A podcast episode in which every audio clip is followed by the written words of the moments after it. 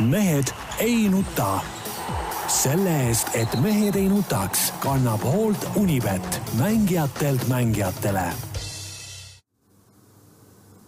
tere kõigile, kes meid kuulavad ja vaatavad ükstapuha mis ajal ja ükstapuha millistest vidinatest, ega me seda kõlli väga ei kuulnud, aga loodetavasti lä-, läheb nüüd see saade Mehed ei nuta siin ikkagi kenasti tööle, Tarmo Paju Delfist.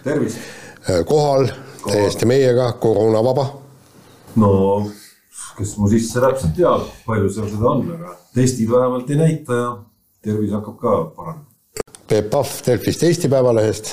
tervist Jaan Martinson Delfist, Eesti Päevalehest ja igalt poolt mujalt. teadupärast testid muidugi ei, ei määra enam, et kui sa oled äh, läbi põdenud ja test võib olla tükk aega positiivne, aga sa enam ei ole nakkusohtlik, nii et, nii et ma arvan, et siin probleemi ei ole ja, ja mina julgen sinuga küll ühe laua taga istuda täitsa rahulikult. Ega, ega, ega jah, tagasi vaadates ikka täitsa mina, mina, minul isiklikult õnne ei olnud nagu kuidagi nagu mööda minnes sellest nagu läbi jalutada, et, et polegi nii ammu, päris, päris ammu ei ole nagu nii haige olnud. täitsa mitu päeva palavikku ja ja ega praegu ka veel sada protsenti ei tunne ennast, et trendi veel jõudnud näiteks ei ole.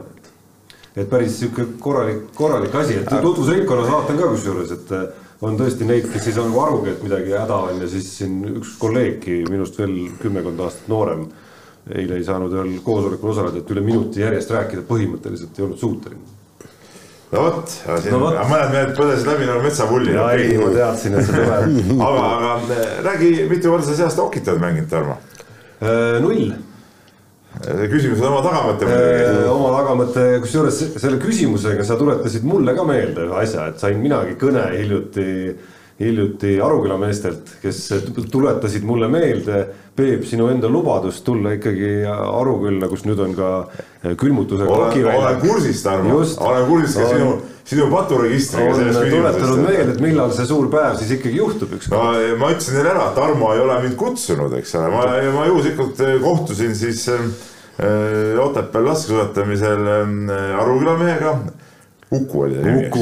legendaarne. tore mees tundus olevat. ja, ja, ja tema on tegelikult Aruküla spordielu, ütleme selliste nagu minuealiste ja vanemate ja. spordielu suur eestvedaja. et oleks siukseid ägedaid mehi igal pool, kohe oli näha, ise tuli rääkima, mina teda ei tundnud, eks ole oli, oli koos perega seal mm, siis laskesuusatamist vaatamas ja elasime juhuslikult ühes hotellis.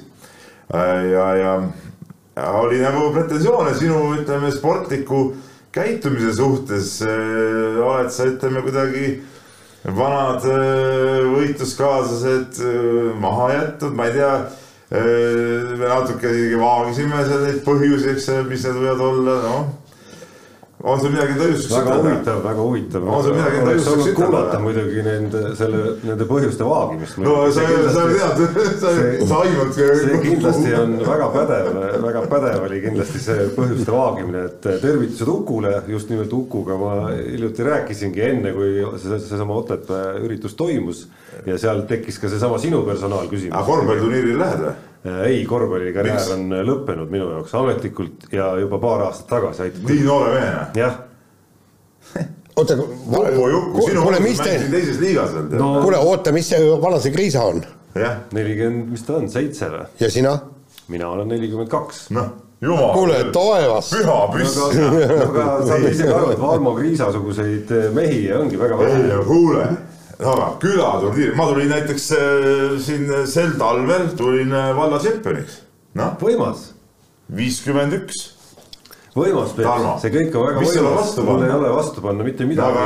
natuke ka... nagu siukest nagu, nagu häbivõru nagu ei tuleb tule. näo peale. ei, kusjuures üldse ei tule ja. täitsa nagu noh, esiteks punkt üks, kui me nagu tõesti nüüd läheme sinna nagu päriselt sisse, et punkt üks on see, miks ma ei ole enam Kossu viimastel aastatel tahtnud mängida, ongi see, et ma nagu reaalselt nagu trenni jõudnud ei ole. no ma ei ole ka rohkem trenni teinud. ja siis, ja siis iga kord, kui ma, ja siis iga kord, kui ma sellest hoolimata olen läinud, siis noh, alevikku esindama kuskil. oled nii hea olnud jah? siis ei, vastupidi, on see nagu, on see kõik olnud ikkagi nagu suhteliselt noh õnnetu tegelikult. jaa, see ongi õnnetu. ei, ei. vaata, sinust seda spordimehe tuhki ikka ei ole õige. tulevad nooremad mehed peale, võtavad üle ja, ja see hea, hea mäng nende jaoks. kuule, spordimehe tuhki ei ole, sellepärast et, et ükskord näiteks aastas, mina mängisin viimati Kossu, kui eelmine vallatsempionaat, siis vahepeal kaks aastat jäi koroona tõttu vahele ja nüüd mängisin siis sel talvel uuesti, noh, meil sihuke ühepäevase turniirina see toimus, nii nagu teilgi vist, eks ole, seal mm -hmm. ka nagu meil oli kolm võistkonda, kaks mängu tuli mängida. Väga lahe oli, et noh, jumala, jumala punk oli, mul polnud isegi enam enda korvpalliketse, võtsin, võtsin poisi mingid seisma jäänud katkise selle õhupadjaga ketsid tõmbasin jalga ja, ja tegin ära, tead noh aga kui ikka inimene nagu mökuruudiks toodud, no siis ta muidugi ei lähe välja. ja no minul on see viimased korrad, mis olid, lõppesid mõlemad sellega, et järgmised nädal-kaks nagu noh, nagu sihukest tavapärast trenni, ma ei tea, jooksmist või suusatamist midagi teha ei saanud, onju. kuna kuskil oli kellegagi oli põlv kokku põrganud ja siis see valutas ja no mingi sada häda oli kallal, noh. et, et ausalt öeldes sellega selle, seal see otsus nagu küpses tegelikult, aga mis hokit puudutab, siis siin on väga lihtne põhjus, et äh, suusatamine lihtsalt äh, sel talvel sai võitu, jah no ei noh, see on, see on täitsa, täitsa. ei no sulle võib laps, see, lapsel, sulle võib see meeldida või mitte, sa, mitu aastat on üldse viimasest korrast möödas, kus sa käisid hokit mängimas. me mängisime koos ja ei oleks mitte Jaan Rajalt. ja ei muidugi, panime kinni ju, panime kinni selle turniiri lõdvalt. no siis, siis jutt käib ilmselt juba kümnest aastast umbes. no seda küll, vaata, vaata, vaata mul ei ole nagu kodukülas siia tingimusi nagu sul. selles mõttes, Peep, on see kõik nagu ikkagi suhteliselt nagu noh, jutuks hea küll sinu suust, on ju, aga teod, teod on, et Harjumaa ei ole nüüd ka päris mingisugune ma ei tea, Ohio osariik on ju, kus distantsid oleks kuskil väga suured, on ju, et ei saaks sõita, et ei leiaks Tallinnas jäähalli või Arukülla ei saaks sõita, on ju, kus jää on olemas. siiamaani ootasin su kutset, ma mõtlesin, et seal polegi tuli välja, tuli välja, et on Leia. olemas, on külmutusseadmed, kõik jutud, no ma ei tea. loomulikult põhjusi ja no, vabandusi äh, on võimalik ka sul lõputult leida. No. aga kui ikka tahtmist on ja kui see oki nii hinges on, Peep, nagu sa räägid, siis noh, faktid räägivad, et ei, ei ole me näinud sind väljakul. no faktid on see, et, et sa oled, kus sa oled olnud? et sinu, sul on seal kõik tingimused loodud ja sa oled nagu irdunud, sa oled irdunud oma spordijaamast, vot see on halb seal. nii, nii, suusatamine ei ole sport, ma saan aru. me, meil on kusjuures, ma olen aru saanud, et meil ei ole siin mitte ühtegi kella, et, et tuleb siis äh, võtta omad kellad. mul on kompuuter peal olemas. ja mul on jah, ma pean. alustame nüüd siis. Äh, ei ole see kell meid kunagi. ei, ei, seda nüüd küll, aga mul on, mul, mul on lihtsalt. eelmine nädal äh, läks see saade nagu mingi peaaegu rekordpikaks, tead noh. jah, aga ei, mul on lihtsalt vaja intervjuule minna, nii et. intervjueeritav on siin karvane käsidega kellas siin tooli peale aga intervjueeritav on, eh, on meil kõrvaltoas, nii et ei lähe kuskile, siinsamas räägite või? ei, lähen Te ei teadnudki, et te siin ka kohtute? ei, muidugi. nii, aga aga jah, eh, räägime vist spordist, kusjuures ise olin ma Veneetsias, muhvigi ei tea, mis siin väga, väga toimus, aga, aga mis oli kõige tervitatavam. mõlemad võimalused, sõidab Veneetsiasse tõmbasid kondliga seal. ei, ei absoluutselt mäletan. Neid kanaleid seal. ei, see oli, see oli täiesti mõttetu, aga lihtsalt jalutada oli äge, aga, aga tead, kus te, tervistatav oli see? see on autovaba linn, aga okei okay.. ma tean Auto..., ma olen Veneetsias käinud, saad ka aru.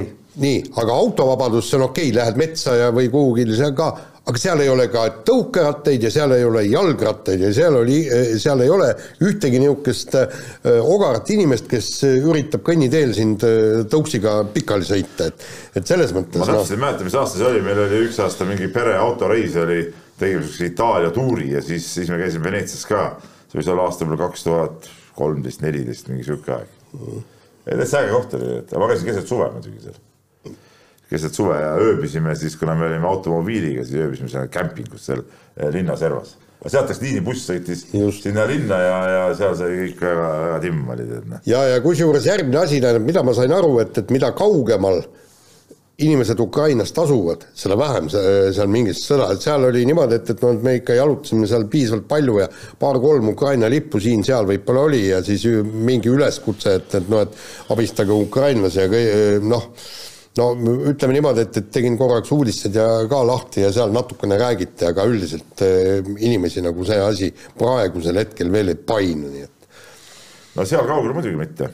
No, jaa, kuigi ta ei ole nüüd nagu ülikauge veel, eks ole, et ei, no, ma olen tuttavate kaudu kuulnud, et ka tegelikult lähemal kuskil Austria ja ja ka Saksamaa kandis on, on neid inimesi küll üsna palju, kes, kellel nagu seda noh, me tajume siin ise, ma arvan, päris paljud, mõni rohkem, mõni vähem, on ju, kuidas siin Eestis, ma ei tea, Lätis, Leedus, Poolas kindlasti noh, täpselt samamoodi, et kui, kui hästi sul kuklas kui halvasti sul kuklas nagu tegelikult mingil moel kõik need teemad nagu vaikselt krutivad ikkagi, et siis on nagu päris suur kunsttükk, ma arvan, siin meie kraadidel kuidagi nagu noh, püsida enam-vähem nagu korraliku vaimse tervise juures, et seal mm. Lähed natuke paar riiki nagu lääne poole ja, ja see taju on hoopis teist. ei no vaata, seda vaimset tervist pead ise hoidma, sa ei saa ju, sa ei saa ju kakskümmend neli seitse mõelda eh, muremõtteid, eks ole. aga, aga, aga ma arvan, et noh, inimeste noh, võimekus seda teha erinevatel hetkedel on kindlasti erinev.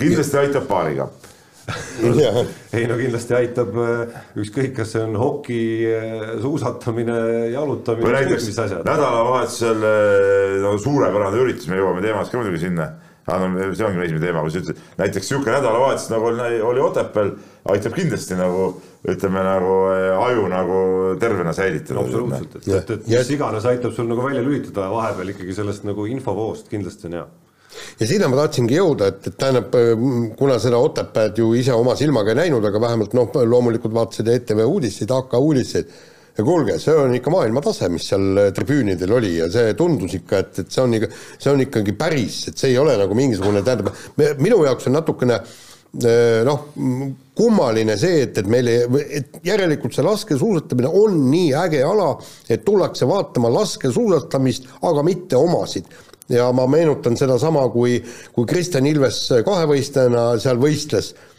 Et äh, sealsamas Otepääl, no okei okay,, seal oli ka palju rahvast, eks, aga no,, aga ei saa nüüd, ei saa võrreldagi. Ja kogu seda õhkkonda ja kõike. no ma ütlen nii, ma ütlen, ma ütlen nii, et mina ja naised on meist kolmest seal kohal, teid kahte sport, nagu ma aru saan, ei huvita, eks ole, te ei tulnud sinna kohale. sa tead väga hästi, miks ma ei tulnud, et ei ole mõtet petsida selliseid, selliseid etteheiteid siin. aga no sa oleks võinud ju, võib-olla värske õhk oleks nagu tervendanud. no oli värske sõus ka, aga ma ei hakanud. olgu, ma sain, sinu puhul ma, noh, aga Jaan, Jaan ei huvita näiteks, tema helistas kuskil Veneetsia mingil, mingit, ma ei tea, mis. veini juua, veini juua, seda lürpida. aga ütlesin, ma käisin kohal ja, ja väga, see oli tõesti äge, oligi just see just see, selle ürituse tegidki ürituseks nagu just need inimesed, et no mina ise laupäev, pühapäev, kaks päeva siin olla kohal ja, ja see laupäevane päev eriti, aga pühapäev ka tegelikult.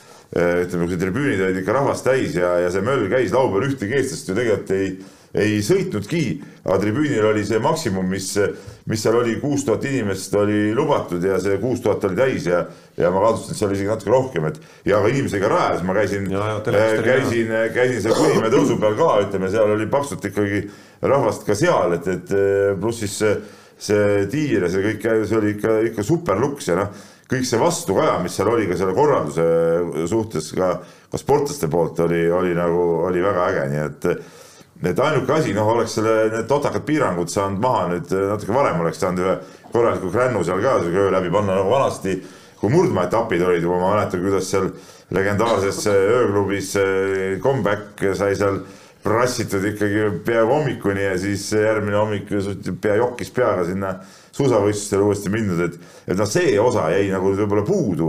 seda aga, said ju iseseisvalt korraldada. jaa, aga no mis sa seal iseseisvalt ikka nii väga, väga või oled, ütleme seal, see on sihuke näpud püsti värk, eks, aga, aga ei, kõik muu oli, oli ikka super luks ja see emotsioon ja see, kuidas see rahvas kaasa elas ülihästi elas kaasa, see on ikka äge. no see on nagu huvitav komplekt ikkagi, mis äh, viimaste aastatega on tekkinud, see jada, kus ERR osaliselt nagu olude sunnil ikkagi, kus, kus, kus need õiguste, erinevate alade õigused on jagunenud siin omamoodi, on ju, olümpiad ja kõik asjad, mis on ETV-st ka ära läinud, on ju.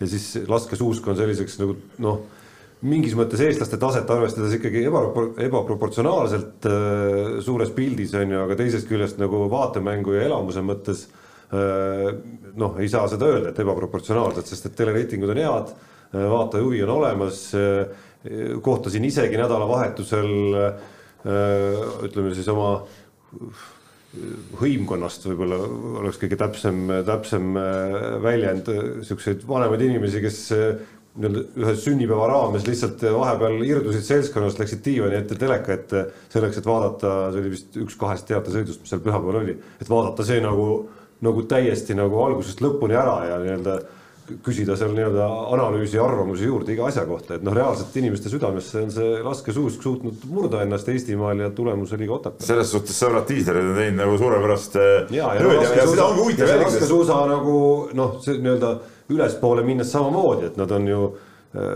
päris suuri samme teinud ju selles suunas, et utsitada igas riigis ka seda ülekannet professionaalsemaks, teha neid kohapealseid lülitusi, organiseerida seal nagu hoopis hoopis teistsugusel tasemel on need ülekanded, kui sa vaatad, võrdled kasvõi murdmaasuusaga. no, no nagu sa tead, ajakirjanikud saavad sinna tiiru mm -hmm. treenerid taha minna, seal ikkagi ka ikka väga palju telejaamasid tegi, tegid seal nende peale tiiru kohe kõmm pöörasid treenerid ringi, panid oma täpid ära, nii nagu meilgi vahest teevad, eks ole, neid lülitusi väga-väga-väga palju. ja aga, aga seal ongi suur vahe, vaata see, kui me räägime praegu murdmaast, siis, siis FIS-i ehk suusaliitluse murdmaa, noh okei okay,, huvitab küll, et kahevõistlus, see, see huvitab veelgi vähem, et. no kahevõistluse pilt on nagu veel eriti, vabandust, ma segan praegu, aga noh, see on nagu selles mõttes ikka ju täitsa nutune, et äh, Äh, noh, me nüüd tajume seda praegu omal nahal, Kristjan Ilves tahaks aeg-ajalt vaadata ja sa tegelikult ei näe isegi teinekord eurospordist, kelle käes need õigused on.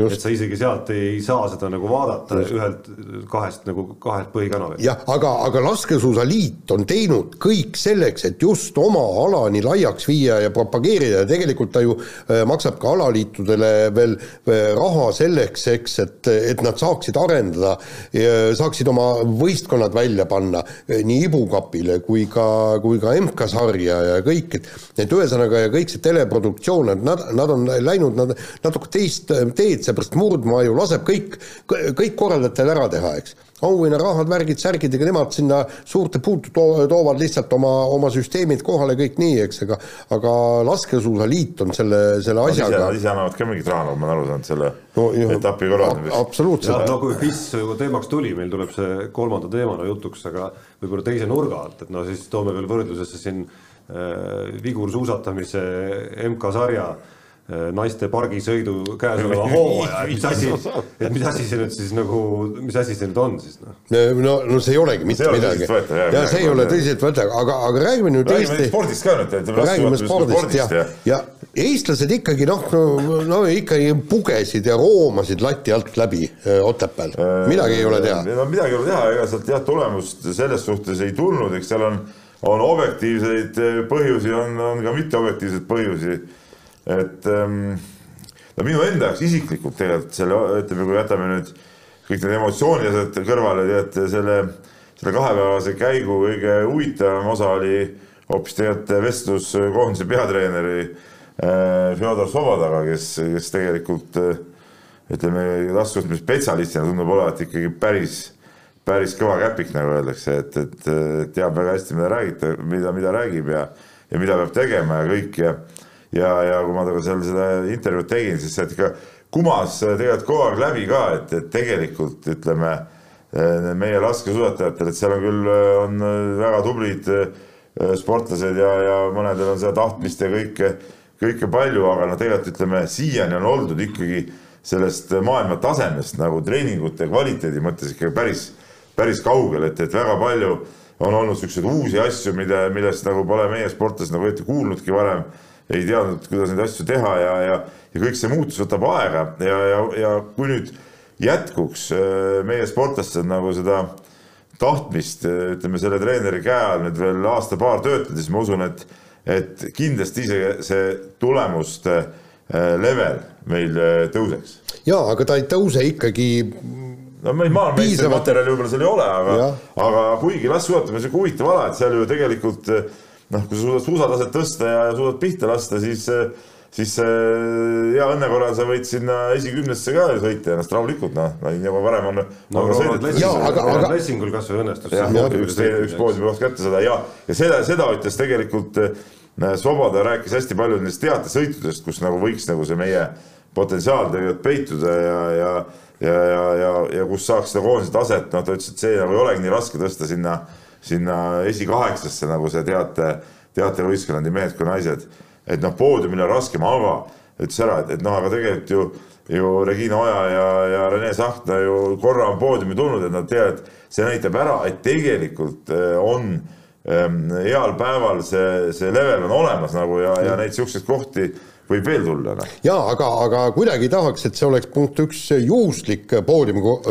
mis asi on juhuslik, noh? no, no ütleme, et Tsahkna Oja oli juhuslik, eks see, see sõltus, see sõltus näiteks sellest, et, et rivaalid ei pannud oma paremaid satse no. välja, kõik nii, niisugused no, asjad. sel hetkel stardis olid. ei, ei, ma, ma olen sellega nõus, aga ma tahaks ikkagi see, et, et meil oleks vähemalt Äh, igal etapil oleks vähemalt lootus, et keegi, keegi sõidab ennast esikümnesse ja heal võimalusel siis ka äh, poodiumil, aga, aga, aga me, mis tegi ettevaatlikuks selles Svoboda intervjuus, oli see, et, et noh, ega ta nüüd ülemäära ei kiitnud need meie laskesuusatajaid, ei, ei olnud niisugust ju, juttu, et oh, nad on hirmsad tööloomad ja, ja äh, silmaklapid peas ja panevad ainult ei, seda, seda ei olnud. seda kindlasti mitte, aga ega ta nüüd otseselt ka, me seal vestlesime ka nii-öelda nagu no looväliselt päris palju ja, ja, ja mida kõike võib-olla ei, ei olnudki vaja nagu sisse panna, aga ta tegelikult ikkagi, ikkagi tõi seal välja mõned sportlased ka, kelle, kelle pealt nagu võiks seda tõusu oodata, noh. et, et, et siuksed sportlased on koondises olemas,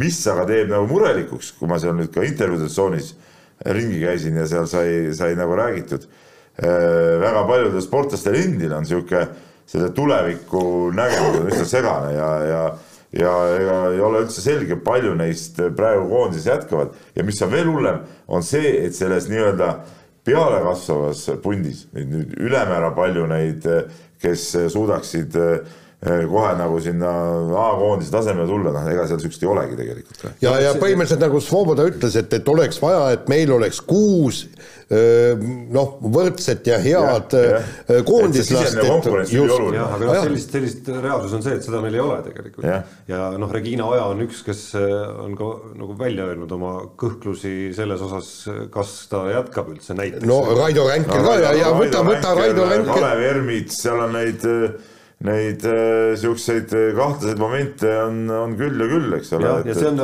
ja noh, mingist otsast on see ju inimlikus mõttes nagu arusaadav, et guugeldan siin läbi praegu Regina Oja kakskümmend kuus, Kalev Ermits kakskümmend üheksa, et ja kui sa oled siis nagu sellises seisus karjääris, kus nüüd nagu mitu hooaega noh, sa tegelikult tajud, et jah, juhusliku nagu, nagu mingi juhusena sa võid sähvatada nii nagu Regina Oja ja Rene Tsahkna sähvatasid, aga et su stabiilne tase tegelikult nagu suusasõidu mõttes näiteks on ju, ei ole tegelikult nagu lähemale läinud maailma tipule. et noh, siis sul paratamatult tekivad te,, tekivad need mõtted, mõtted, et okei okay,, et mis mu see lagi stabiilse taseme mõttes lõpuks siis, kus ta nagu on täpselt ja siis, et kui see on noh, ma ei tea oletame, et äh, sa saad aru, et see võib-olla nagu väga palju sa ei suudagi seda tõsta, on ju, siis tekibki see küsimus, et okei okay,, äkki on mõistlik võib-olla elus hakata muude asjadega. no jaa, aga äh, esiteks, kui sa oled kakskümmend kuus, siis selge see, et sa oled arenemisvõimeline, punkt kaks, sa alles alustasid koostööd nüüd võib-olla tõesti esimest korda elus tõelise äh, tipptreeneriga, eks ole, et, et see kõik võtab mitu aastat aega, see on teine asi ja kolmas asi on muidugi see,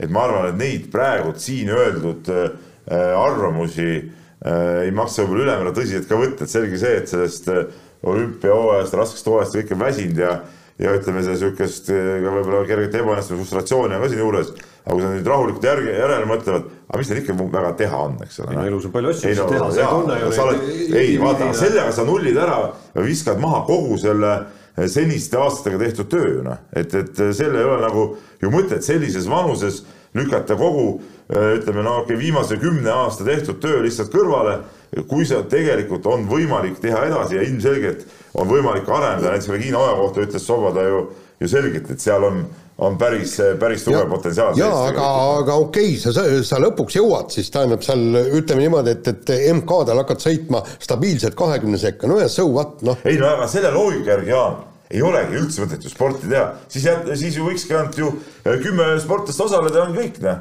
jaa, Peep, aga, aga vaata, siit tulevad jällegi äh, mängu ju hoopis teised selles, kuidas alaliit ja EOK suudavad tagada, et need sportlased, kes, kes seal niimoodi võistlevad ja kes kes tegelikult ütleme, kui meil oleks stabiilselt kahekümne hulka sõitnud sportlased stabiilne kahekümne hulka sõit tähendab seda, et heal päeval sa oled esikümnes.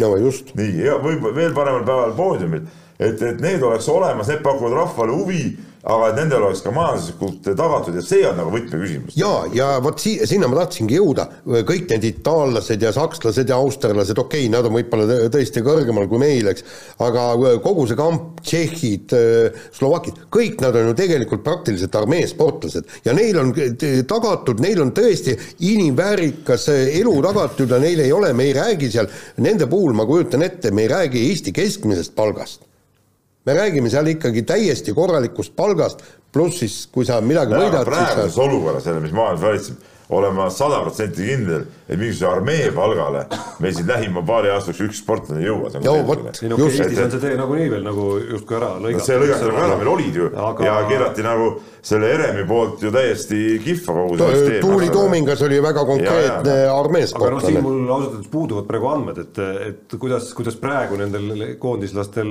või Tuuli Toominga tiimis need asjad nagu on korraldatud, et et noh, kas ma, ma kahtlen miskipärast, et neil noh, enamikel, võib-olla mitte ühelgi, et kas neil on mingi EOK B-tasemel kontrollitud ala, alaliidust eile rääkisin, eile rääkisin veel ühe sportlasega üle, kes on raskuskoondises, ütles, et põhimõtteliselt ta C-tase, pluss ütleme, alaliit siis tagab need laagrid ja, ja, ja, ja laagrid ja siis hooldemehed ja need, eks ole. no ja ülejäänud seal isiklikud sponsorid peavad, no nii ongi, noh. et siin ongi nüüd see küsimus, et kuidas see asi lahendada, eks ole, et, et kui palju siis need klubid, mille eest nad võistlevad Äh, noh, kelle hingekirjas nad on, saavad, ähm, saavad äh, neid toetada, aga kuigi minu arust koondislastele peaks alaliit ise ka leidma ikkagi äh, mingi lisapalga äh, nagu sinna. noh, noh sest see on ainus variant, kui me tahame, et meil koondis mingil kujul säilib, et niigi on ja. seal nagu treeninggruppide mõttes veel väike pooldumine ka toimunud, eks ole. et äh, vastasel juhul ongi nii, et, et meil on äh, noh, kirjade järgi maailma tipptreener ja, ja siis, ja siis lõpuks hakkab uus hooaeg pihta ja siis on tal selle ühe Kristo Siimeriga ainult võib-olla nagu noh, võimalik seal tööd teha. see, mis puudutab seda nii-öelda koondise sees olevat teist koondist või Äh, Soboda küll ütles, et tal on äh, Indrek Dobrotsuga noh, head suhted ja niimoodi nagu suhtlus käib ja kõik ja ja ütles, et noh, ikkagi ju Tuuli Tommingus on meie parim praegu ja nii edasi. siis mulle tundub, et see ikkagi sellisel kujul, nii kardinaalselt erinevat, nagu nad seda kõike teevad seal praegu ja, ja kogu aeg on nagu elavad eraldi, teevad kõike eraldi. see väga hästi ikka terv-, koondisele tervikuna ei mõju võib-olla. ja tegelikult ütles Soboda ka seda, et ta tegelikult näeb kõrvalt, mis aitaks võib-olla ka tuulil tõusta järgmisele tasemele, et võib-olla see koostöö peaks olema ikkagi veel, veel tihedam, et, et võib-olla Dobreluts ikkagi kuidagi kaasata või, või leppida nendega kokku, et ta on ikka seal koondise juures, et nad teevad ikka asju rohkem koos, aga siis antakse natuke rohkem võib-olla äh, siis Dobrelutsel võimalus seal Toominga ja, ja, ja Susani ja nendega seal tegeleda, aga, aga et see üldine, et see peatreener saaks ikka seda üldist niisugust suunda nagu nagu ette panna, sest mulle tundub, et ta on nagu, nagu tark vend selle koha pealt. nii, aga, aga paratamatult vist peame järgmise teema juurde minema. aga jääme tegelikult noh, sarnastele radadele, ehk siis eh, talispordihooajad siin on lõppemaas või suusaspordihooajad siis on lõppemaas või, või lõppenud ja üks, mis läbi sai nädalavahetusel ja mis, eh, ma ei tea, kas sa Otepääl jõudsid jälgida seda või sina Veneetsias? Veneetsiast jälgisin, jah. aga mina kodus diivani pealt jõudsin küll oli siis kahevõistlus MK-sari, mis äh, lõppes ju sellise grande finaalega ikka, et nagu vau wow. ehk siis äh, enne kui me Kristjan Ilvese juurde tuleme, siis MK-sarja üldvõit lahendati ära ju lõpusirgel põhimõtteliselt.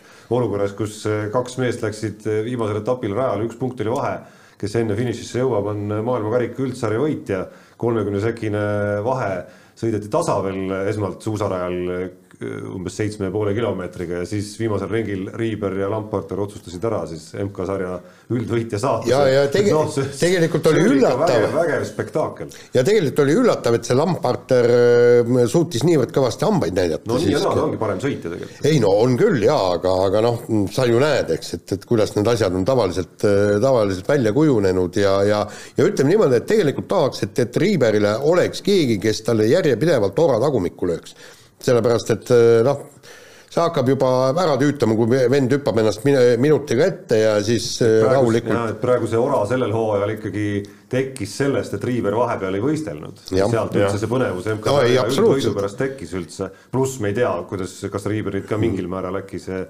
olümpiakoroona ikkagi nagu ka mõjutab. just, ja teine asi, võta, võta nüüd Kristjan Ilves sealt ära, palju sa siis vaataksid kahevõistlust, tühjagi aga Kristjan Ilvese juurde tulles siis viies koht maailma karikasarja kokkuvõttes, et väga soliidne.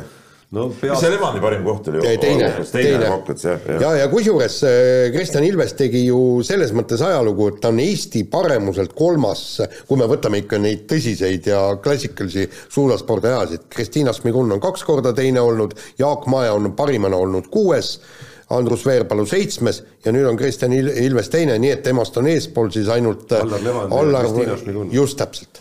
noh, päris kõva ju, eks ju. no ikka väga kõva hooaeg, et siin, siin noh, pärast olümpiat sai räägitud Kristjan Ilvese kõvadusest juba nagu teises kontekstis ja sellest, kuidas ta suutis äh, ennast pildituks sõita ja ja üleüldse ellu jääda kuidagi selles, selles äh, hullumeelsuses, kuhu ta seal sattus hotellitoas on ju, et äh, aga noh, kõige selle kiuste viies koht äh, MK-sarja kokkuvõttes noh, vaata kust otsast tahad, et areng on toimunud nagu igas suunas, nii hüpetes kui, kui sõidus. see viies koht oli huvitav selles mõttes, et tal vist poodiumi koht oli kaks ainult, eks ole. ei, tal oli kolmandaid kohti oli vist ka, oli või? kaks korda oli teine igatahes kaks. korda oli teine. võib-olla oli mingi kolmas koht ka seal, aga ikkagi no suhteliselt vähe, eks ole aga sihuke üldine see esikümne tase oli ikkagi äh, kogu aeg olemas, esikümne piiri peal seal sinna-tänna.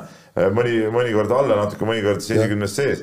et see üldine stabiilsus oli, oli tõusnud, see, kui nüüd vaadata, minu arust Jaan, sa võiksid, kui sa teed äh, lugu näiteks, vaadatagi sellest just nagu selle stabiilsuse kõvera tõusu nagu, mis on tal toimunud tegelikult. just, aga tegelikult on ju seal, eks paneme see, et, et on suusahüpete maailma teine, eks Riiberi järel, aga mis on minu jaoks kõige suurem üllatus, suusarajal kahekümne, kahekümne teine koht.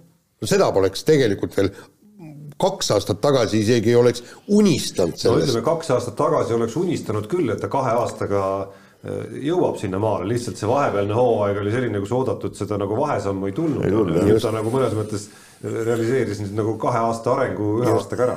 raha edetabelist oli ka kas kuues-seitsmes kuskil, kuskil sinna, noh, teenistus oli ka täitsa noh, ütleme niimoodi, et kahevõistluse kohta täitsa okei okay. ja ja räägime nüüd sellest, et poiss on kakskümmend viis aastat vana, me räägime ei no alles, laskesuusatajast, alles, alles Tarmo ütles, et kahekümne kuuene, noh, polegi mõtet enam teha. ei, ma ei, sellist asja ma ei ole öelnud, Peep, ära pane mulle Ei, sõnu suhu, et ma rääkisin olukorrast, kus sa oled, ütleme maailma noh, Regina Oja näol, mis ta siis on kokkuvõttes maailmas, viiekümnes, kuuekümnes kuskil, eks ole, kui sa vist MK-punkte hakkad vaatama No ma kahtlustan, et kusagil kusagil seal on ju. ja kui sa siis tajud, et seal nagu noh, et, et sa ei näe seda selget potentsiaali hüpata sealt, ma ei tea, kahekümnendaks näiteks on ju, et siis tekib sul see küsimus, et kas sellel on nagu mõte ja kui sa teenid veel, ma ei tea, noh, ongi see tuhat eurot kuus on ju kuidagi ja siis siis tekivad need küsimused. Võib-olla on elus mõistlikum midagi muud teha, et Kristjan Ilves on hoopis teises staatuses, kus tal on nüüd silme ees, et üks samm veel ja ma olen nagu noh, maailma esikolmikus. jah, ja noh, ja, ja, ja tema puhul tulebki ju võtta, vaata seda ütles ju väga hästi, kas see oli vist kas Anett Kontaveit või Kaia Kanepi, kui, kui oli jälle järgmine see veerandfinaali nagu äh, Grand Slamil jõudmine ja siis ta ütles, et, et sealt edasi enam nagu mingit vahet ei ole, kas sa oled poolfinaalis, finaalis, järgmine aste on võit. ja nüüd ongi Kristjan Ilvesel ongi täpselt sama, tähendab, temal ongi kaks eesmärki. järgmine aasta, kui ta tuleb MK-sarjas neljandaks, hurraa, kõik paneme linnukese kirja, aga see ei ole tähtis, tähtis on see, et lõpuks ta võidaks selle MK-etappi ära, mida Levandi ega Mart Mart ei suutnud, on ju, eks. ja muidugi medal äh, tiitlivõistlustelt. Need on kaks, kaks tema eesmärki ja isegi kui ta järgmine aasta võib-olla seal MK-sarjas seitsmes on, aga, aga MM-il võtab medali, Oh, on jumal. pole tähtis, muidugi. no muidugi siit läheb, noh, sa Jaan lähed varsti, varsti temaga rääkima ka on ju ja neid kindlasti siin hooaja lõpu intervjuusid ilmub Eesti ajakirjanduses rohkemgi Kristjan Ilvesega, et et, et me siin asjaarmastajatena võime, võime lihtsalt peale vaadata, et noh, asi, asi ei ole ju nagu paberil keeruline, et hüpped veel stabiilsemaks, et, et oleksid iga kord seal nagu pigem Riiberi kandis on ju ja, ja sõidus näpistad natukene veel ja noh, tegelikult see kajastubki läbi hooaja sul kohe nagu automaatselt selles, et sa oled võrreldes tänavuse hooaega igal võistlusel jälle koht või kaks nagu eespool on ju. Ja suudad, suudad veel paremini seal lõppudes hakkama saada selles väga, väga tulistes lõppudes, mis on ikkagi nagu väga intensiivse piiri peal seal need eh, suusa, suusasõidu otsustavad kilomeetrid käivad kogu aeg. Ja- ja- ja- aga ja- et, et kus nad nüüd ise näevad seda, et, et, et kus see nagu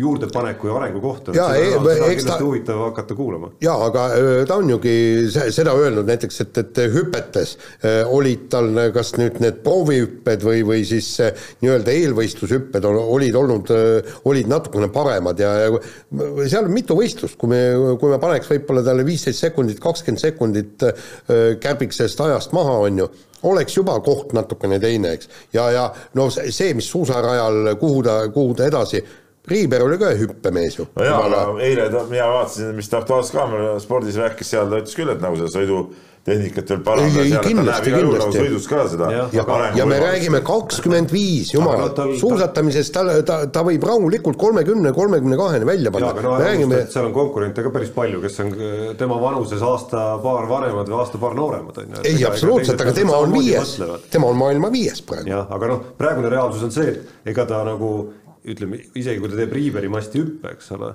et me veel ei ole näinud seda, tal oli üks võimalus sel hooajal oli tegelikult, et aga, aga seal olid krambid ja mis tal kõik äh, peale tulid, eks ole. et me ei ole veel seda näinud, et ta Riiberile sarnaselt, noh, kes ei ole ka siiski nagu päris tippsõitja, aga, aga et talle sarnaselt suudaks hoida seal sellise noh, kogu selle muu kamba seal neljakümne sekundi kaugusel kuidagimoodi ära, on ju, et noh, siin on nagu näha selgelt, mida on vaja järgmiseks teha, et, et see järgmine samm siit edasi astuda aga mis on äh, Ilvese juures äh, sümpaatne veel ja mida mina väga kiidan, väike detail võib-olla, aga see, et laupäeval on Eesti meistrivõistluste mees on seal stardis, noh. no ja absoluutselt. et see nagu ütleme, et ei põlga ära niisugust väikest võistlust ja, ja ja on püha, laupäevane puhkepäev on äh, annuleeritud seal. no ütleme niimoodi, et Eestikat, Eestikaid ära võtta ongi tema jaoks puhkepäev. ei, ma räägin sinu jaoks on puhkepäev annuleeritud. mees sai teada lihtsalt oma Eetris. staatusest. Eetris niimoodi, jah. no muidugi, aga see ongi väga hea koop. ütleme, mingit vastuhaukumist ei saa olla. nii, aga lähme edasi veel suusaaladega ja äh, vigursuusatamise eri, nagu on Tarmo äh, siia kirjutanud. Suured spetsid asuvad asja suured kallale. spetsid asuvad asja kallale. Kelly Sildaru siis teatas pärast ära jäänud eelviimast MK-etappi, et ta on väsinud ja loobub viimasest äh, pargisõidu MK-etapist, noh ja ehk selleks, siis tõlgime, jätab äh, üles noppimata MK-sarja üldvõidu. Kristall Roobus jah. jah, no tal on võimalus seda saada, aga, aga noh, ma nüüd, no ma ei tea, no ma ei näe inimeste sisse ja ma ei, ja ma ei hakkagi sellest asjadest aru saama, aga, aga ma ei usu, et kui nüüd näiteks äh, noh, ükspuha mõnel kahevõistlejal, murbusuusatajal, laskesuusatajal on üks etapp MK-sarja lõpuni ja sinna minekust sõltub, et kas sa võidad ära või ei võida ära selle MK-sarja. ah, ma olen väsinud, ma ei viitsi minna. no ei ma ole ei niisugust ma ei usu asja. elu sees, et sihuke asi oleks võimalik, Tarmo. no ei, väga ei kummaline ja eks see iseloomustab väga selgelt neid äh, noh, kõiki neid olümpiajärgseid äh, intervjuuid ja mõtteid ju samamoodi, mida me. ja no samas ta nagu ütles, et ta hakkab valmistuma uueks hooajaks juba, aga no siis, MK-sarja võit peaks olema nagu või mis üldse, mis üldse see spordi tegemise mõte siis on, okei okay,, olümpiamedal, kõva asi, kõva asi, tore, tegid ära, no aga hooaeg on ju ka, no selleks MK-sari ongi ju noh, et, et sa, miks sa selle võidu võtmata siis jätad noh. jah, ja teine asi on see, see sama hea, kui sa nagu noh, ma ei tea, mängid kossu, eks ole, oled, oled, ma ei tea, kolmega ees, viimane minut, mõtled, ah, kuule ei mängi rohkem edasi, teised panevad, las panevad sisse, kui tahavad. kusjuures siin nagu nii-öelda saavutuse mõttes äh, tasub ju märkida, et äh, ta ei ole tulnud maailmakarikasarja üldvõitjaks. ei muidugi et, ei ole seda jah, et, et nüüd oh, ma olen küll neid võite saanud, et, et nagu kama kõik, eks ole, ei ma, no see on asi, millest ma jah ei saa selle, selle spordiala tegemiste juures ma ei saa nagu aru sellest suhtumisest. Aga aga tei- seda näitab ka kõik see muidugi, et kui, et, et ega seda MK-sarja ilmselt seal väga ka ei väärtustata, kui vaadata, kes ja kui palju seal osalevad ja saame siin tõime välja juba korraks vist selle viie osalejaga MK-sarja etapid, mis on ju, mis on ju huumor tegelikult ju jaa, aga te noh, siit on ju täpselt näha, et, et mida siis peab järgmine, järgmiseks hooajaks tegema ja see, kui praegu MK-le ei lähe, siis järelikult eh, kas ratta selga või jooksurajale ja mahtu öö, suurendama, sellepärast et kui inimene väsib selle pealt ära, on ju sellest hooajast. no ei tea, mis väsimus see on, et võib-olla see on hoopis mingi teistpidi väsimus no. ja eks siin pärast olümpiat oli neid jutte ju noh, igast vallast, eks ole, kuidas see suhe spordiga ja, ja tuleviku perspektiiv, et on vaja enda jaoks selgeks mõelda seal päris palju asju, on ju.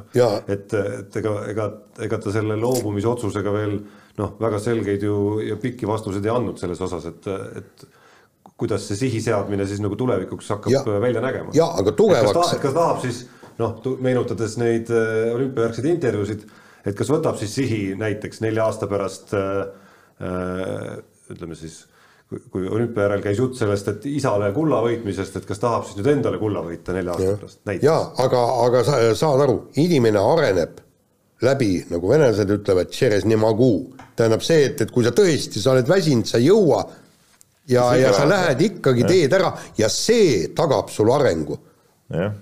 see tagab sul arengu, nii vaimse arengu füüsilise arengu ja kõik muud ja arengu ka inimesena. jah, ma mäletan, mul tuleb, mul tuleb sellega seoses meelde üks kuskil, see oli nõukogude aeg veel kuskil lapsepõlves, kus ma, siis toimusid ju vaata sellised suvepäevad perekondadega, mingid võistlused olid lastel ja. seal ja siis seal oli mingi jooksuvõistlus ümber mingi järve, ma ei tea, ma olin vana, ma võisin olla mingi esimese klassi kuskil ja siis jama oli selles, et ma hakkasin kuskil äh, finiši sirgel, hakkasin nagu äh, oma võidust ilma jääma.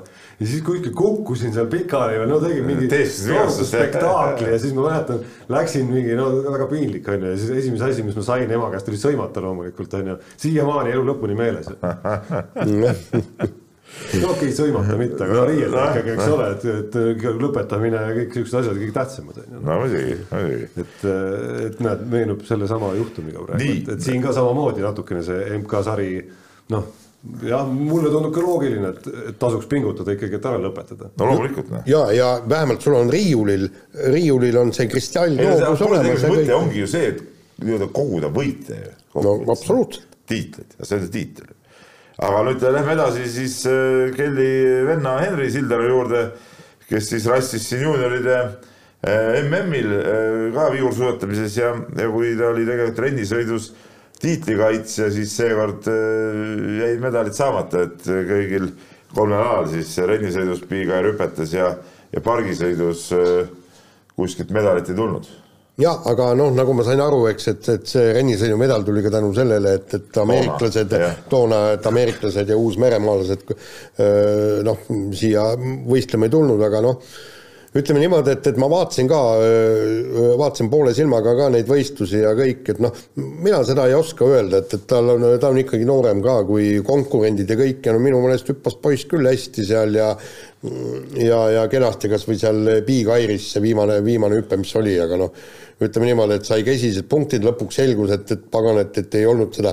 grääbi ehk siis hoiet suuskadest, milles, mille mõttest ma muidugi aru ei saa, et miks äkki peab, paneks ka suusahüpetele, et, et et aga okei okay,, see selleks, hüppas küll hästi, aga, aga noh. lihtsalt, kui see see lihtsalt äh, ongi see, mis mingi tehnilise nõudlikkuse nagu tekitab sellele, noh, see on sama, mis iluuisutamises äh, ütleksid, et äh, ei pea ikka seal nagu mingit kohta väga sirgeks venitama ja, ja siit korralikult uisust kinni võtma. no jaa, see selleks, aga, aga no ma eile sattusin korraks juhuslikult rääkima ka siis Tõnis Sildaruga, Henri isast treeneriga ja, ja noh, ta püüdis jätta küll muljet nagu, et kõik oli nagu väga hästi tegelikult, et et tegelikult poiss sõitis korralikult, noh okei okay,, üks asi see pargisõidu kukkumised, see selleks, aga ütleme, need alad, mis ta seal teha sai, et, et need oli korralikult, korralikult ära teinud ja, ja mingit draamat nagu ei ole nende kohtade pärast. no selge, tal, tal on ju praegu noorust küll ja, ja, ja tegelikult noh, nagu öeldaksegi, juuniori medalid huvitavad ainult siis põhimõtteliselt sportlast ennast ja tema treenerit ja võib, võib-olla ka lapsevanemaid et, et tegelikult palju tähtsam on see, et, et mis ta meeste hulgas äh, tegema hakkab ja, ja see on, sa, sa ei saa ju, sa pead neid trikke ju õppima, õppima, sa pead arenema, et, et, et, et siin noh, nagu ma saan aru, kunagi ju ka Tõnis Sildaru rääkis, et, et kuidas see trikkide õppimine on, et forsseerida ei tohi. et sa pead selle, kõik selle trip, tri, triki nii-öelda igal pool mujal selgeks saama, enne kui sa äh, saad ta sinna suusanõlvale tuua, nii et, et võtame asja rahulikult ma arvan. nii, aga võtame kiirelt te järgmise teema. kell läheb päris kiiresti ausalt öeldes. no sa Tarmo räägid pikalt alati. tõsi jah? jah. nii okay., rääkige mehed jalgpallist no,. rääkige jalgpallist. vaatasin ka jalgpalli kusjuures. no just, nii et räägi, et, et praegu on siis nagu ma saan aru. hea, hea nädal oli sul, vaatasin. mõttes jaa, et kui ma Otepääle jätsin sõitmata, ei olnud tervis veel nii hea, et siis, siis telekast oli seda rohkem mahti neid vaadata ja sattusin peale ka täpselt, ei vaadanud tervet mängu küll, aga täiesti õigel hetkel sattusin peale, kui FC Flora ja Paide linnameeskonna mängus läks huvitavaks. ja krooniks oli siis see, et ei keegi muu kui Konstantin Vassiljev oli see, kes siis üle aja minutitel seal koksas ära ilusti kaks-üks võiduvärava ja, ja pluss paneme sinna juurde veel, et eelmisel nädalal oli ka eh, karikavõistluste, mis ta oli veerandfinaal jah, kus Flora sai siis vahelduseks Levadialt natukene revanši, võttis Levadia rajalt maha ja ja mängu MVP nii-öelda oli jällegi ei keegi muu kui Konstantin Vassiljev. no see on nagu kahe otsaga asi, et see nagu natuke pannakse nagu häirekella tirisema, et halloo, et kus need noored mehed ka mängima ükskord hakkavad või mis nad teevad. no ei, eks nad pidid ka ikka teine, teine asi on muidugi see, et muidugi müts maha Vassiljev enda ees, kes ikkagi vaatamata vanusele, ma ei tea, mis nüüd on siis, kaheksakümmend kuus juba või ei ole või, ei kolmkümmend seitse jäi mulle kõrva. no kolmkümmend seitse, et, et äh, suudab ikkagi noh, niisuguseid vägevaid asju korda saata. küll aga äh, kuna see jalgpalli hooaeg alles algas, ega me vist ei olegi jalgpalli algusest tegelikult rääkinud, et äh, võib vist oodata päris, päris põnevat hooaega, et, et äh, noh, ikka neli võistkonda on, on konkurentsis ja, ja, ja, ja praegu tundub küll, et, et see, asjad ei ole nagu nii äh, täpselt nagu paika pandud, nagu proua eel öeldi, et Levadia on nagu kindel soosik ja, ja, ja siis on seal Florad ja, ja, ja Paide ja, ja noh, see Kalju võib-olla neljas, et see Kalju on ka juba näidanud väga südikaid asju ja, ja tundub, et Paidel on siin praegu nagu sihuke kerge vibra sees siin hooaja alguses hoopis. Kuule, aga jah, tege- et uue treeneri käe all ikkagi nagu alustuseks on kaks, Kaks väga valusat- valusat, valusat väga valusat kaotust omavahel saadud, et see, et kuulasin Karel Voolaidi intervjuud ka, et noh, loomulikult äh, ei, ei hakka ta mingisugust tragöödiat manama seal kaamera ees, et kuidas kõik on nüüd üle halvasti ja, ja loomulikult on hästi palju mänge ees, aga eks see on korralik äh, väljakutse siia algusesse kohe ikkagi, need punktid on läinud ikkagi. ja see ja, ja hooaega kehvasti alustades väga raske selle tree peale saada tihtipeale, et, et sa võid isegi normaalselt mängida, aga kui sa kaotad niimoodi napilt ära, et see hakkab juba seest juba sööma, noh, et, et äh, üks kaotus ei juhtu midagi, teist korda, kolmandat korda siis hakkad nagu tekkima, et mis jama see on siis nüüd, eks ole. Et aga põnev, põnev. ja, aga esimese saate osa lõppu täitsa põnev uudis tuleb ka võrkpallist, kus siis äh, Aavo Keel äh, on siirdumas äh, jõuluvana kanti Rovaniemisse sealset äh, võrkpallinaiskonda treenima ja annab ühtlasi ka teada, et kandideerib Eesti võrkpallinaiskonna peatreener. ütleme nii, et aplodeerin äh, püsti seistes piltlikult öeldes, et äh, absoluutselt suurepärane uudis, kindlasti pärnakatele see väga ei meeldi, et Aavo Keel ära läheb et ta nagu Pärnu klubi ju ütleme sihuke maskott ka nagu mõnes mõttes võib ütelda, eks ole. aga no Rovaniemi on ta kodune koht, et ta on ju seal ise mänginud äh, ja, ja, ja, ja sealne see spordiakadeemia ja see kõik on, on vägev, vägev koht, nagu sai, sai loetud ja ma arvan, et see on sama koht, kus äh, ma käisin, kui oli see äh, ralli oli seal, eks ole, seal oli see suusa suusakeskus ja kõik oligi üks spordikool, seal olid ujulad ja, ja., ja kõik asjad seal ongi koos ja see tõesti tõesti vägev kompleks ja ma arvan, et see võrkpalli asi on ka seal sealsamas, samas juures, et see oli, see oli väga-väga kihvt koht ja seal hotellid ja kõik on seal, seal kohe küljes ja, ja, ja see oli, see oli tõesti, tõesti vägev ja seal vägevad tingimused. Ja mis mulle veel rohkem heameelt teeb muidugi see, et, et Aavo pürib Eesti, pürgib Eesti naiskonna peatreeneriks ja ma arvan, et, et halloo äh,, Hanno Pevkur, siin ei ole midagi mõtelda anname nüüd Aavole võimaluse naistega ka tegeleda.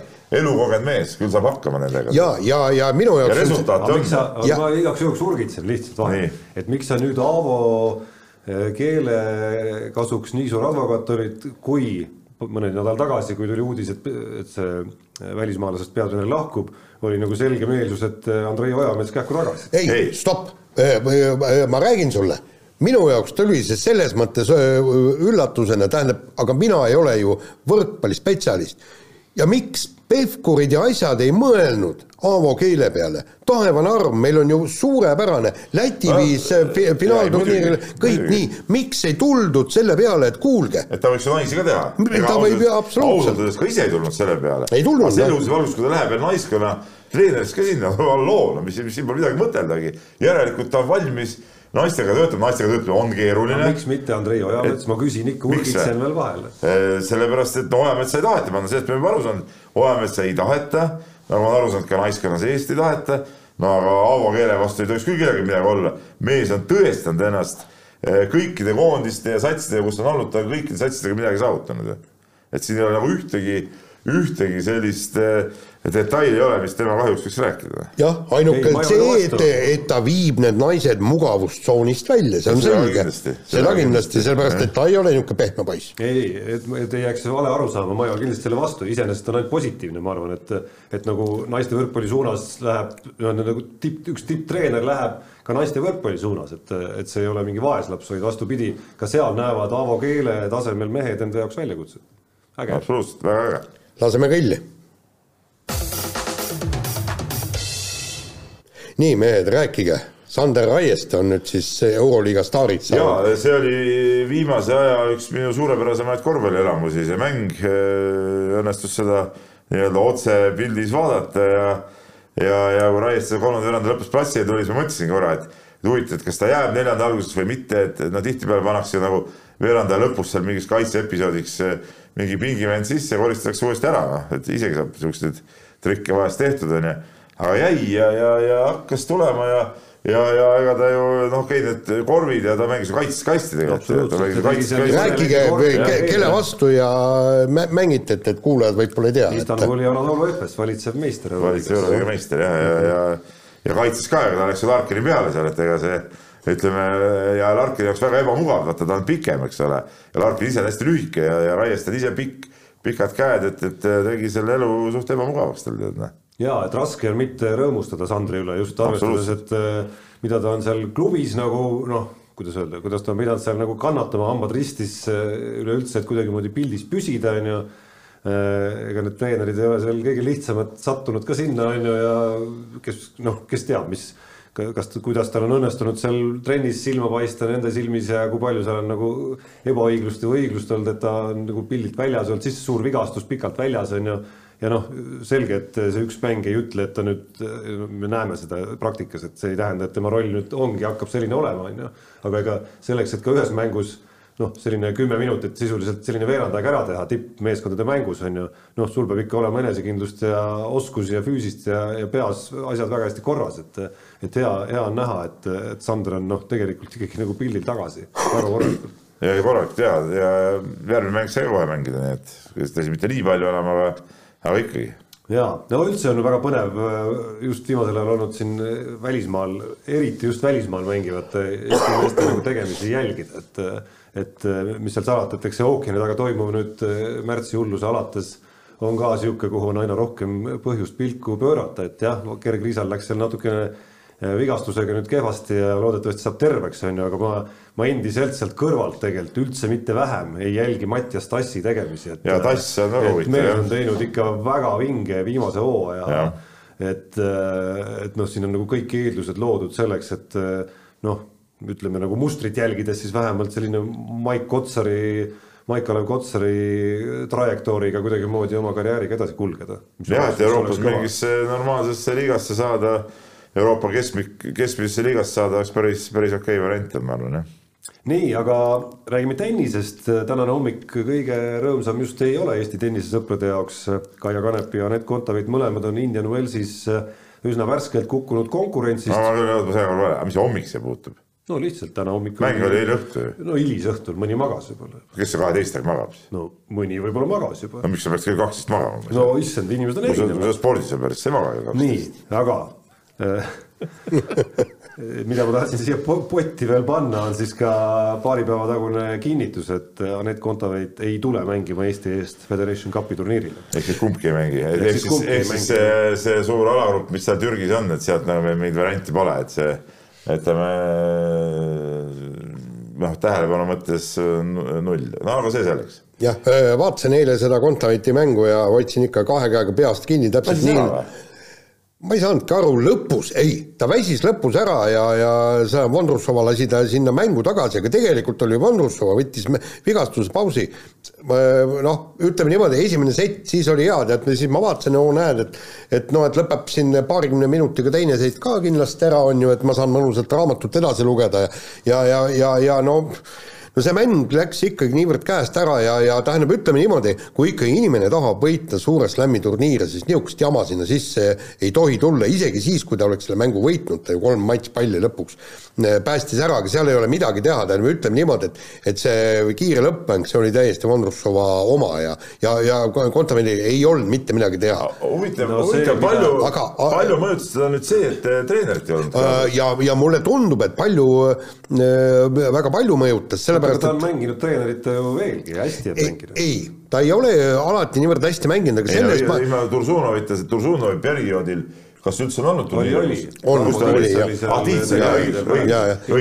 oli. just, just, aga, aga, aga siin oleks vaja olnud ikkagi te, tegelikult aeg-ajalt seda treeneri pilku, sellepärast et see noh, tähendab, no see kui te mängu vaatasite, ta ju lõi neid palle pikaks kolm kuni viis meetrit, lõi neid palle pikaks ja ta, ta ei saanud sellele mängule nagu kuidagi, kuidagi pihta, ta Noh, aga kas keegi on aru saanud, miks Tursunovit seal turniiril kaasas ei ole? ei saanud, sellepärast et tal pidid olema omad asjad, eks, ja, ja, ja seal ikkagi, ikka midagi, midagi teha ei ole, tähendab, ütleme niimoodi, et, et Anett Kontaveit, ta, ta mängu, see, sellesama äh, mängu võib jagada kaheks.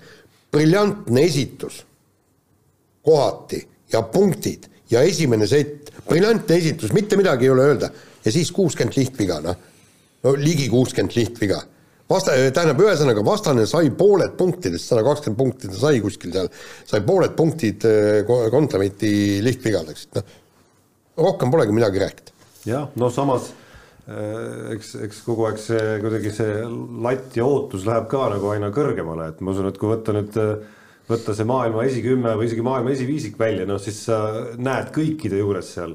sa, sa ei näe, et nad võidavad sada protsenti oma mängudest maailma kolmekümnendate ei vastu, noh, aga muide tuleb sekka neid. muide, aga stopp, vaata siin, siin oli vaata kunagi mõned aastad tagasi, et ma selgitasin nagu seda teooriat, eks. no samas Sviatek, neljas number, Dubais viimati kaotas teises ringis Ostapenkole, eks. no Ostapenko on praegu No, hoos ka, okei 21, eks ole. ja, aga vaata, ma selgitasin kunagi aastaid tagasi oli see, kui näiteks a la Serena Wil- Williams mängib väga hästi oma mängu ja Anett Kontaveit mängib väga hästi, siis selge see, et, et Williams võidab mõned aastad tagasi, eks. nii, ja samas öö, kui Williams mängib keskmist mängu ja Kontaveit väga hästi, siis on Kontaveitil võimalus. Ja eile muideks selles mängus oligi see, et Kontaveit mängis oluliselt tea-, alates teisest setist alla oma taseme ja ikka ta oli mängus sees kuni viimase öö, seti öö, kiire lõppmänguni ja, ja seal oligi, tema mängis keskmiselt ja vastane mängis väga hästi. et, et ta, ma ei taha öelda, et ta on nüüd Williamsi tasemele jõudnud, aga ta on ikkagi oma taset kõvasti tõstnud, nii, võtame järgmise teema. Läksin Krejtšikova juurde ja noh, sealt leiab selliseid äh, ja veel.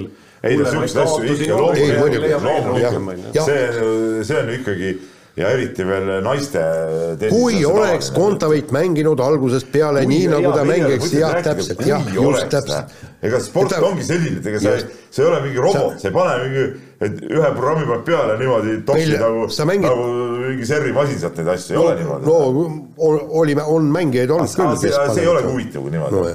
Nii, võta järgmine teema. Äh, ahaa, minu kord jah. Keskendu. ja, ei, Jaan ajab sellist, noh sinust rääkimata, näen, te olete üks, üks terve mõistusega mees on seal laua taga. nii, Jüri Vips äh, alustab siis vormel kaks hooaega taas kord ja, ja no ikka on huvitav küsimus, et kas see võimalus ikkagi see sari lõpuks siis ära võita või? Pole tähtsust. Täht- tähtsust. ei, sisulist tähtsust sellel, ei vaata, see on, see on kahe otsaga asi, Jaan jälle. ütleme, et tema karjääri mõistes sellel sisulist tähtsust ei ole, eks ole see teda ei aita eh, vormel ühte paremini kui, kui niisama see sõitmine mm. -hmm. aga vormel kaks on ikkagi sari. Ja ei, ei, seda muidugi. nagu selle Kelly Sildaruga, sa lähed ju starti selleks, et see sari võita. jah, aga, aga muide, selles mõttes on see sari nüüd ääretult huvitav, et, et seal on neli Red Bulli venda sõidab selles sarjas, kellest ilmselt üks mees valitakse järgmine aasta, kas ta, kas ta nüüd siis saab äh, Red Bulli võistkonda või, või siis tütarvõistkonda, kõik nii. ja, ja kaks nendest äh, on siis äh, see norralane ja kas oli ta Ruuala, on Premas, mis on noh, näidanud ennast üle või ülimalt tugeva tiimina, pluss siis veel Loovson on. Ehk siis neli Red Bulli ja nüüd sellel hooajal võitlevad F1 koha pärast ja kusjuures ma ei ole kindel, kui Preema poisid selle kinni panevad, see, see võib, vaadatakse ikkagi ne- mingit muud asja. et, et, et seal võibki olla, Vips võib täiesti rahulikult olla äh, Preema meeste taga kolmas, aga tema valitakse sinna F1-te, sest selge see, et, et praegu minu meelest ikkagi lüüakse, lüüakse sealt Red Bullisse, noh, mis ta oligi nüüd, ütle nüüd, Perez. jah. No Jaan on varemgi Jah. ennustanud siin ei, igasugu Jaani, Jaani ma siin olen ikkagi- aastate jooksul kuulnud igasuguseid. oota, stopp, vaadake seda tšempionaati, see, ei, vaadake see, seda tšempionaati selle pilguga ja ta on Ja- märksa põnevam Jaan, kui muidu ma. vaatagi, see on, mulle meeldib, kui seal on tekitatud põnevust seal kõikide nende stardikohtade ja, ja selle juraga, eks ole. ei, enam vist ei ole see. seast ei ole seda? ei ole vist jah. no eelmine aasta oli veel ju. oli jah ja. ja.. oota, tutvusta siis seda ka, see on kuulda. see on nagu huvitav, ma seda ei teadnudki ausalt öeldes. aga ma mõtlen, tahtsin ütelda lihtsalt, et, et see ei puuduta vormelit, aga Jaani igast ütleme hooajaeelseid muinasjutte erinevatel spordialadel on ikka kuuldud küll ja küll. ei no aga muinasjutuvesti on tore olla, nii äh,. nii äh,, võtan järgmise teema, aeg läheb, ma pean tõesti intervjuule kohe to tormama, nii saatejuht sinuga tallida. poole saate. kuule, te plägisite. Tokyos, eks ole, ma olin tähele, ma siin mingi keegi kutsus, et ta tõuseb poole saate pealt püsti läheb. ei, aga me, ei no aga ma peangi siis tõusma varsti, nii tä,. täielik üllatus oli see, et, et, et äh, see Georg Linnamäe jutt sellest Portugali rallist, kui ta võitles, siis tähendab, no okei okay,, võidu nimel ta enam ei, ei võidelnud, aga, aga teise koha nimel lõpuks, lõpuks kukkus kolmandaks ja et ma loen, et nad klaasitudused ja, ja et. aga sa tead, sa tead, et peab panema tööle või? Ei no ma ei tea, mina oma autos, kui klaas läheb uduseks, ma panen ju aknapuhuri, muidugi. oskad panna või? no absoluutselt, jah. sinu puhul on see teatud üllatus muidugi. jah, ei ta võib olla, kuule, kui isegi mina tean. okei okay,, ta, kui isegi puhuri töötajad, alati saad ju varrukaga tõmmata üle akna. ei, absoluutselt. sõidukiiruskatse ajal. no just kindel, aga. kuule, sul on kaardilugeja no mõlemad teevad nagu keskenduvad muule et.... ei, aga kuule, kui, kui inimene ütles, et ma sain siin õppetunni, et puhu tuleb sisse panna. ei, jah no,, ma, ma olen ka kuulnud seda ikkagi, üldiselt kui klaas läheb uduseks, siis tee midagi, mul on küll esiakna soojendus. sellega, sellega saab kiiremini. see on päris hea asi, talvel on päris mõnus yeah.. aken on jääs mul, mul kaabitsit polegi enam. jaa, kahel viimasel autol mõlemal olnud, et. siis mul on see komme ka, et ma ju kodus talvel, eks ole, enne kui ma hakkan äh, kohvi jooma, enne veel lähen lükkan auto käima, siis panen kõik need äh, aknasoojendused asjad tööle. ei, aga minul on siinsamas kohe näpu all on kohe nupp, et äh, esiklaasi ja kõik hakkab kohe ja, ja puhub selle udu ära, aga noh. no vähemalt sai, sai see. istu istu. vähemalt sai, sai see nüüd selgeks ikkagi ja, ja rohkem seda probleemi ei ole. aga selle saate osa lõpetame Valmo Kriisa tõdemusega, kes, kellest meil siin saates oli juba juttu täna mees, kes siis äh, Tallinna Kalevi särgis on, äh, on teinud sel hooajal äh, suure, suure comeback'i ja eelmisel nädalal paistis ta siis silma ühes mängujärgses intervjuus pärast Kalevi meeskonna järjekordset kaotust. meil on tore kollektiiv, aga mitte korvpalli mängimiseks. arusaadav noh mul ei oska midagi. ega siin jah suurt ei ole, siin võiks muidugi pikemalt heietada natuke, et et mul, mul esimene mõte, mis tekib ikkagi sellega seoses kogu, kogu selle Tallinna Kalevi ümber toimuvaga. väga raske midagi rääkida. ja ka tegelikult ka Rakvere Tarvo ümber, et ega seal ka nüüd palju nagu rõõmsamad need meeleolud ei ole, on ju, ja see kajastub tribüünidel loomulikult, publikus ja kõiges, on ju. et see mõte, mis mul siin tekib, pärineb Ivar Jurtšenko, Gerd Kullamäe ja Janar Taltsi viimasest podcast'ist, kus Gerdil on seal rubriik see Balti Delfi Balti või mis ta täpsemalt on, siis ta rääkis ühest Leedu liiga juhi intervjuust. jah, ma tean, millest sa räägid. ja, et kes, kes rääkis seal sellest, kuidas liigasse pääsemise nii-öelda nivoo on kaheksasaja tuhande eurone eelarve, seda tahetakse tõsta veel, satse veel juurde saada, on ju. et noh, see mõte viib ikkagi sinna, et noh, me peame ka jõudma selleni, et, et, et meil on kuskil mingi latt ikkagi, mis, mis, millele sa pead vastama, kui sa mängid sellel liiga tasemel, isegi kui see tähendab, et siis on klubisid vähem see on minu tunne, minu tunne vähemalt. aga mis puudutab Annurise intervjuud. nii, nii eelarvet, nii noorte tööd, kõik siukseid asju. minu arust see oli üks meele, meeleolukamaid vaatamisi noore, noore soolde küsimused ja vastused. Jaa, soovitan, soovitan, soovitan otsida üles kindlasti, kindlasti meie arhiivist. laseme kõlli Unibetis saab tasuta vaadata aastas enam kui viiekümne tuhande mängu otseülekannet. seda isegi mobiilis ja tahvelarvutis. Unibet, mängijatelt mängijatele. Nonii ja räägime Unibetist, Jaan lubas mööbeldama hakata. ei, ma, ma hakkasingi mööbeldama, no õnneks mitte mööbeldama, mõtlesin, et teen noh, nagu äh, kuidas, kuidas öeldakse, et see on nagu äh, alguses nagu vett vedama või? ja jah, et teen nagu selle esimese jala terviseks ära väikse niisuguse ja, ja panin muidugi, eile panin Anett Kontaveidi peale, aga õnneks ainult kuus eurot ja siis pärast esimest setti vaatasin, et noh, et koefitsient. kuus eurot? ei ma ütlesin, et tuleb mõtle kuus eurot panna. see mõte, et, et kuidagi sisse töötada see asi ja siis vaikselt õpid nagu, noh nagu katsud varbaga vett, ütleme no.. ja täpselt jah, ma katsun, mina ütlen sumaki sisse No, no,, et kõik, kõik ei ole sinusugused, no ja üle., ja, ja siis äh, pärast esimest setti oli see ka Kontaveidi äh, koefitsient nii väike, muidu mõtlesin, pane ko- kogu papi sisse, et sealt on ju selge, et kakskümmend minutit ja asi korras, eks ja ei, ei, ei, ei, ei, ei sisse., ei, ei pannud, ei muidugi loomulikult, õnneks ei pannud. nii, no mul on tühja tööd ette näidata, et eh, paar Kossu panust Euroliigas, aga tasandasid üksteist ära, võidud, kaotused ja, ja saldo endine, nii et Peep ilmselt liider, mul nagu ei, ma ei saanud nagu praegu joonele nagu jah. kaotasid või ei pannud ei panuseid? no ma ei saanud nagu unustasin aa, no ära. juhid ühesõnaga endiselt.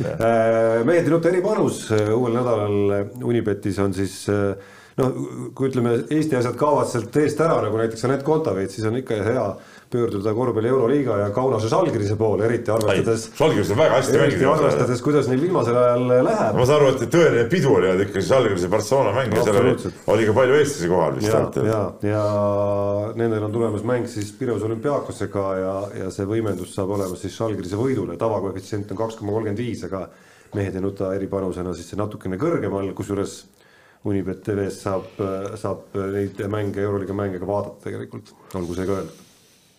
nii, kirjad.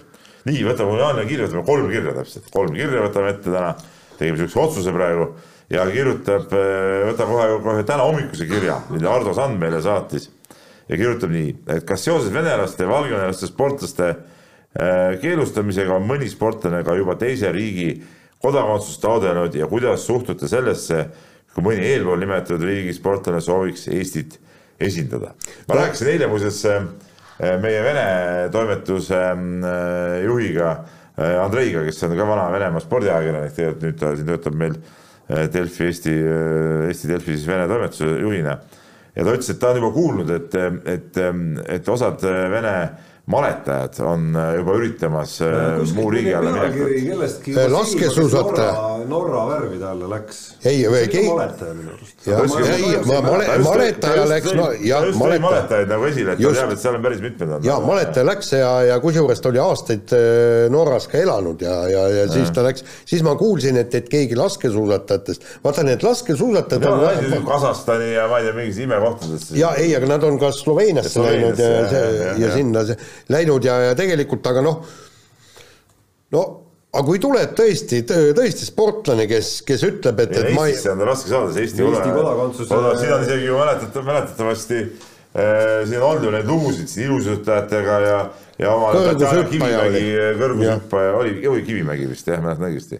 Ja noh, et, et see asi ei ole nii lihtne nagu. Ei, ja see mis sa li- tead, ja mis sa tead, jaa, et see ei ole nii lihtne. ja see ei ole lihtne, aga, aga praeguses olukorras ma mõtlen tõesti, kui näiteks ma, tõesti mõni Vene sportlane, kes, kes, kellel on probleeme selle tõttu, et ta mõistab selle Putini režiimi hukka ja, ja, ja tahab tulla võtta kodakondsust, kuidas teie sellesse suhtuksite, mis siis oleks? et kas peaks tegema mingi erandi või? just just,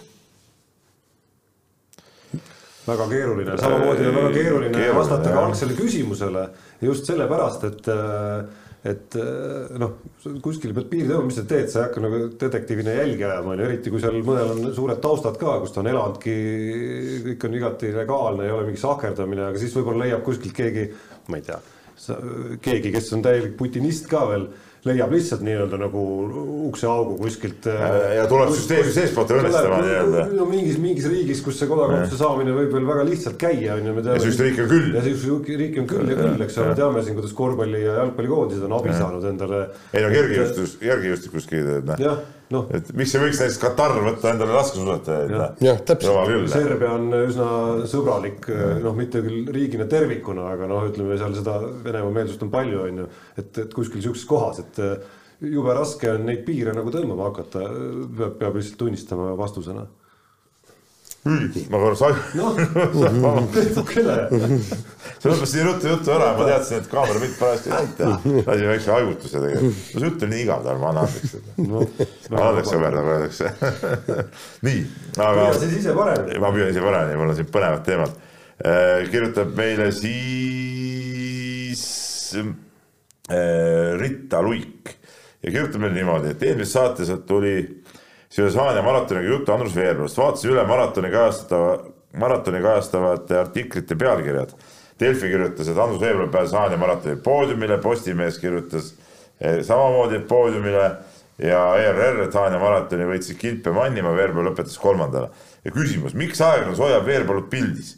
Delfi ja Postimees ei maini artikli pealkirjas maratoni võitja nime, vaid selle asemel tuuakse välja kolmandana lõpetanud sõitja nimi. millist motivatsiooni selline artikkel sportlastele annab? Võidab küll võistluse ja ajakirjandus pealkirjast saab kolmandaks jäänud pätti. et aga... Veerpalu oma käitumist ei muuda ja ajakirjandus peaks lõpetama klikkide korjamise Veerpalu nimega. no tege-, te, tegelikult. kuulutama persona non grata'ks. ütleme niimoodi, ütleme niimoodi, et. seal olematuks muidugi siiski. oota ma, ma lihtsalt ütlen see, et, et kui sa paned selle Veerpalu sinna, siis vähemalt mõni inimene saab teada ja loeb, et niisugune maraton toimub. aga kui sa paned, et kilp.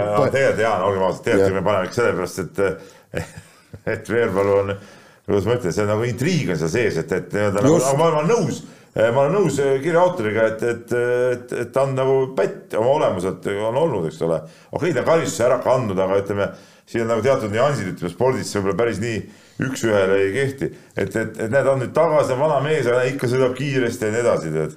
et, et, et pigem on nagu selles küsimus nagu, et ta on nagu skandaalne persoon ja, ja me kajastamegi selliseid no see avalikkuse huvi tema vastu on nagu suur, eks ole no,. ei no jaa, aga, aga saate aru, tähendab küsimus pole.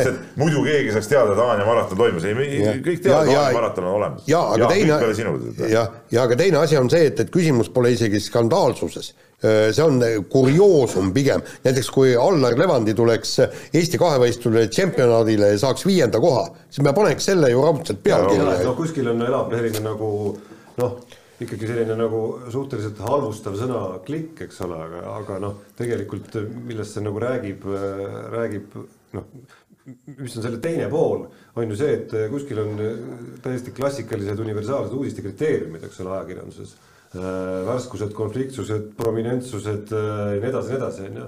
ja noh, sealt tulenevalt lihtsalt juba äh, ongi huvi selle vastu, et Veerpalu seal võistles ja vahet ei ole, kas ta sai kolmanda koha või kahekümne seitsmenda, ongi lihtsalt suur. et mina ei leia, et selle peaks nagu maha vaikima. ma võtan selle teema kokku ühe lausega, klikk on jumal ei ole klikk jumal. ma teadsin, ma spetsiaalselt, ma isegi naersin. kuule, kuule võta viimane kiri, ma. sa võid naerda või mitte, onju, kusjuures, aga, aga tulles tagasi, ma tegelikult jäin korraks mõtlema selle eelmise, andsime mingid tohutud ümmargused vastused. andsime mingid tohutud ümmargused vastused, et, et sedasama küsimust, seda Eestisse tulemise küsimust just, eks ole, noh, ma ei tea, sportlane, keda kiusatakse taga, sest ta ei saa Äh, öelda, mida ta tegelikult arvab Vladimir Putinist, on ju. noh, me saame rääkida ka enda tööstusharust ehk siis ajakirjandusest või meediast, on ju, et äh, Venemaal ükski ajakirjanik nagu klassikalist ajakirjandust teha enam ei saa, eks ole, ehk kajastada seda, mis tegelikult toimub, on ju. ehk siis äh, mina oleks küll selle poolt, et olgu ta ajakirjanik või sportlane just sellised, et, et Eestil saaks anda sellistele inimestele abikäe küll.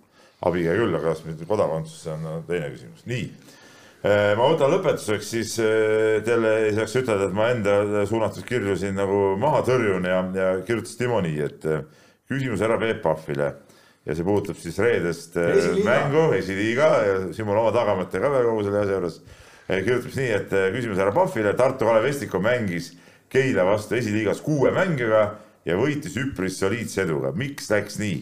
Ja siin oleks muidugi nagu muidugi taktikaliselt ja mänguliselt analüüsida, me võitsime ise tegelikult Poola ja normaalse eduga, aga no teisel pool läks, läks mäng nässu ja, ja nii nagu oligi ja vastas olid ka päris kõvad mehed, Janar Talts näiteks ja Timo Eifus ja no päris ütleme tummised, tummised vennad. ja ma ütlen ka seda.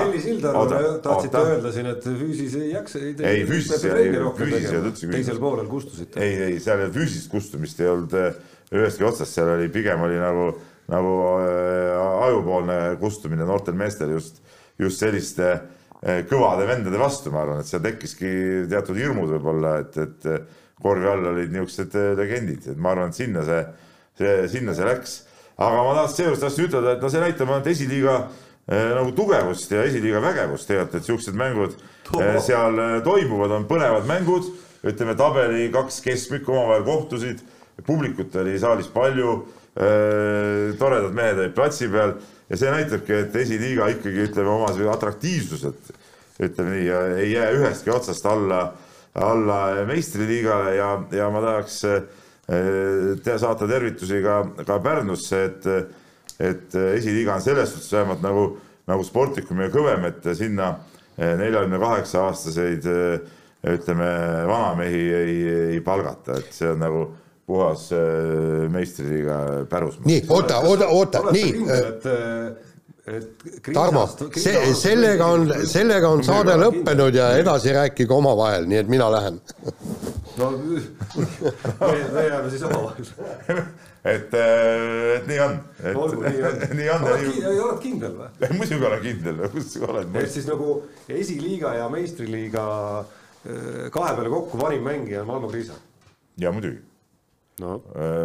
vaieldamatult ei, no ega siin ei ole selles mõttes mitmet pidi mõistmist, et, et ega see nüüd nagu, see on Valmo Kriisa vaates on see äge, on ju, aga, aga kokkuvõttes siiski ega ta au ei tee. jah, aga nii on et.... aga no väita, et esiliiga nagu noh, tase nüüd on sellepärast meistriliigaga võrreldav. ei räägi ei ole siiski ka, ei ole siiski ka.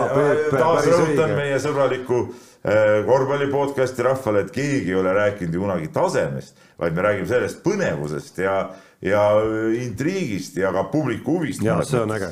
et, et selles on küsimus, mitte tasemes. ei saagi olla tase, isegi kui jalgpalli Premier League'as näiteks ütleme esiliigas äh, tõuseb võistkond Premier League'ist, seda peab ju enda võistkonna tugevdama, et Premier League'as ju hakkama saada, see on loogiline. see on igal pool niimoodi, noh, et, et see siin ei ole siin ei ole midagi, midagi imelikku, tead noh. nii, ma vaatasin, et tuldi, ma mõtlesin, et tuldi kaamerat kinni panema just tuldi, siis võttis kaamera selga, läks minema. sätiti ümber, aga ma arvan, et võime sellega lugeda oma, oma saate ikkagi lõppenuks ja kohtume taas juba nädala pärast ja loomulikult oleme alati kõikidel moodsatel platvormidel saadavad nii otse kui järelvaatamises, kuulamises. kohtumiseni. mehed ei nuta saate tõi sinuni Unibet, mängijatelt mängijatele